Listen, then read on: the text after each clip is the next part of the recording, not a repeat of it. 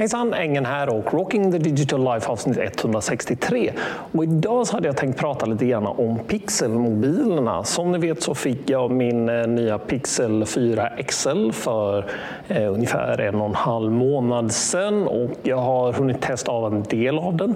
Det finns en del höjdare och en del saker som är lite mindre bra. Men om vi börjar med de sakerna som inte är riktigt så bra som man hade hoppats så är det faktiskt eh, kameran. Inte så att eh, kameran sitter i dålig, för den är faktiskt fantastiskt bra, men jag saknar en kamera. Och det är ju den här ultrawiden.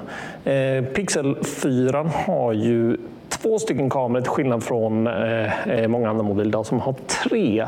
Den har den vanliga kameran, den har en för eh, zoom och den har en för, eller den har inte någon mer. Den har inte den här ultra wide kameran som man kanske hade hoppats man skulle kunna ha för att eh, få eh, riktigt bra eh, översiktsbilder eller mm, typ av eh, eh, städer eller natur eller så. Du får det här riktigt ultra wide.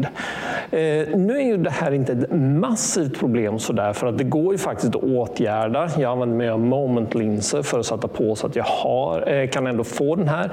Men det är ju en liten, liten eh, potentiell eh, försämring i ljus som du får när du sätter på en sån extern lins. Så det blir inte riktigt, riktigt samma som att bygga in. Men eh, det där är en sån sak. En annan sak är batteritiden som ni säkert hört om. Eh, den är inte dålig men den är absolut inte fantastisk. Hade jag haft Eh, Eh, den vanliga Pixel 4 så hade det förmodligen eh, inte eh, hade förmodligen eh, känts mycket, mycket sämre för den har ett mycket mindre batteri. Så Pixel eh, 4 XL den, den fungerar egentligen genom hela dagen och ja, det, det, det, är helt okej okay sådär. Men det är absolut inte bäst. Jag hade förväntat mig lite mer.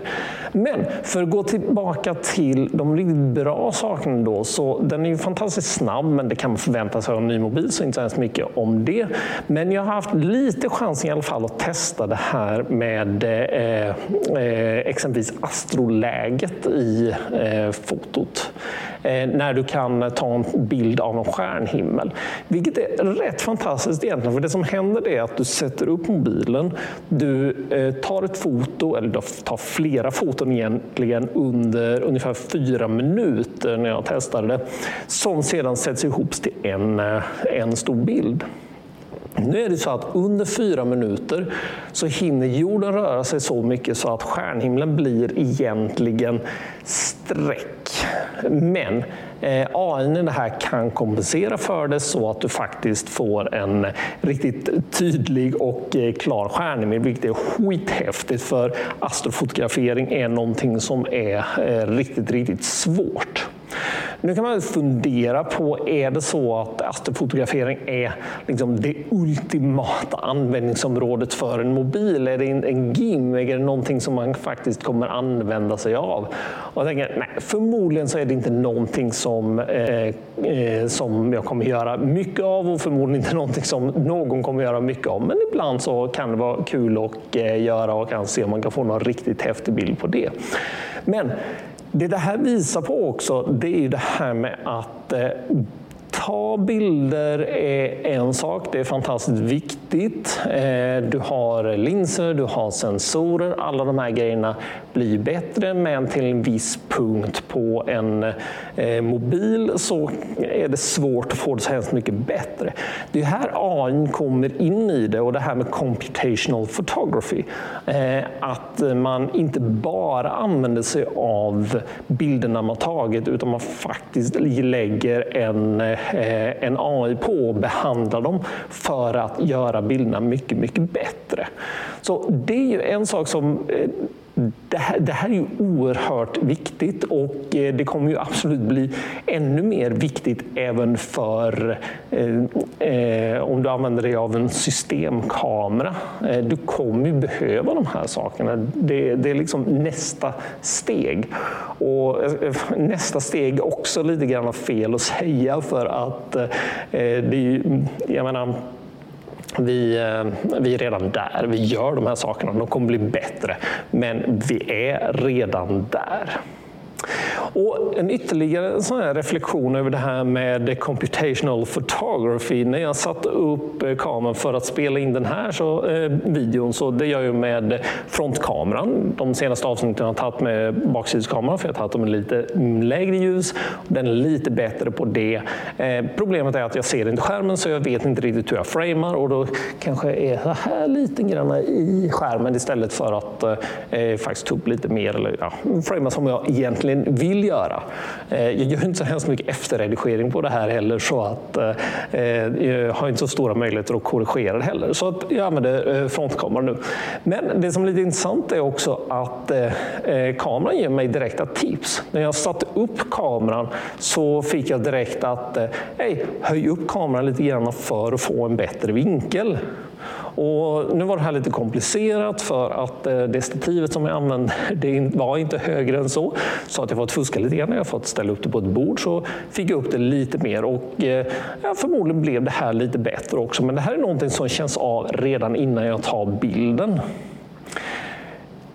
Pixel är också rätt intressant för att Google är ganska eh, är involverade i att göra även gamla mobiler bättre. Förra året så jag gick ju från tvåan till fyran, så jag hoppade över den som kom förra året. Och anledningen till det, det var ju att de saker som jag var ute efter kom egentligen som mjukvaruuppdateringar till, eh, till eh, Pixel 2. Men nu så här två år efter så kände jag ändå att det var dags att ta steget och eh, uppgradera en gång till. Nu kommer den första feature-droppen och den här kommer ju till eh, fler, även de gamla mobilerna, i alla fall de flesta funktionerna. Och vissa sådana här saker eh, säger mer om det här med bildbehandling för att det, det är fortfarande en jätte, jättestor grej. Ni vet när man tar port, porträttbilder och eh, får den här fantastiska suddiga bokeh, eh, suddiga bakgrunden så här. Ponera att du inte satte på det läget när du tog en selfie. Ja, men vad gör du då? Ja, med den uppdateringen så eh, kommer man kunna lägga på det här i efterhand. Eh, det behövs alltså inte ens djupinformationen för att, eh, göra, för att få fram den effekten. Och det är jäkligt häftigt. Eh, det är också så att eh, man plockar in det här i eh, Google Duo där man tar, när man har videosamtal så kan man också göra det här med att göra bakgrunden suddig. Jag hade ju tyckt det var jättefantastiskt om det också tog steget in i kameraappen så att när jag spelar in de här filmerna så, så visserligen ser det helt fantastiskt häftigt här ut här nere på byn men hade det ändå varit snyggt att få liksom, den här suddiga bakgrunden att göra det eh, lite mer eh, in focus på eh, ja, mig själv som objekt. Där. Nu tror jag i och för sig att det här kommer, för steget är inte så hemskt långt att ta det ifrån Duo-funktionaliteten in i kameran. Men det säger också väldigt mycket om vad Google lägger fokus på och just det här med bildbehandling. Andra roliga saker som kommer i den här feature drop som inte har med bildbehandling att göra är det här med call screening. Att du kan använda använda eh, assistenten i mobilen för att eh, svara på eh, samtal som du misstänker är spam så får du en, text en text, ett transcript egentligen på vad som sades så kan du bedöma i efterhand ifall det här var relevant eller inte. Baksidan av det här, det kommer bara till USA än så länge. För den eh, svenska transcriben är inte så pass bra än och vi får vänta på saker. Nu kör jag i och för sig min, eh, eh, min mobil på engelska, på amerikanska engelska, just för att kunna få nya funktioner innan de kommer till Sverige. Men jag misstänker att antingen så kommer det här ändå inte komma till Sverige för att eh, den kommer eh, tagga på region snarare än språk, eller så är det så att det kommer, men det blir förståelig Eh, det, det, blir inte så användbart i alla fall för att eh, det är väldigt få människor som ringer upp mig och pratar engelska om det inte handlar i och för sig om just spam ifrån eh, andra eh, länder så där man får från skumma nummer ibland. Så det kanske hade varit användbart i alla fall, vem vet? Men eh, det här skulle vi kunna göra någonting åt ganska enkelt och eh, jag förstår att Google och andra tillverkare inte lägger fokus på Sverige som land med ett språk som talas av av typ eh, 10 miljoner personer över hela världen eller någonting i den stilen. Och att man hellre lägger fokus på tyska, franska, engelska, spanska, de eh, riktigt, riktigt stora språken. Kinesiska för den delen. Eh, men då kanske vi ska ta tag i saken själva och göra någonting åt det här. Eh, och eh, ta det här steget, avveckla svenska språket, plocka in engelska istället så vi kan få de här häftiga funktionerna lite, lite tidigare. Visst hade det varit en fantastiskt bra idé. Anyway, det här var Rocking the Digital Life. Ni hittar det på Facebook, ni hittar det på Youtube, ni hittar det på ställen där ni hittar podcasts. Och eh, är det någonstans ni saknar det så får ni gärna höra av er till mig, ska jag se om jag kan få in det där. Ha det fantastiskt bra igen så hörs vi igen på torsdag. Hej!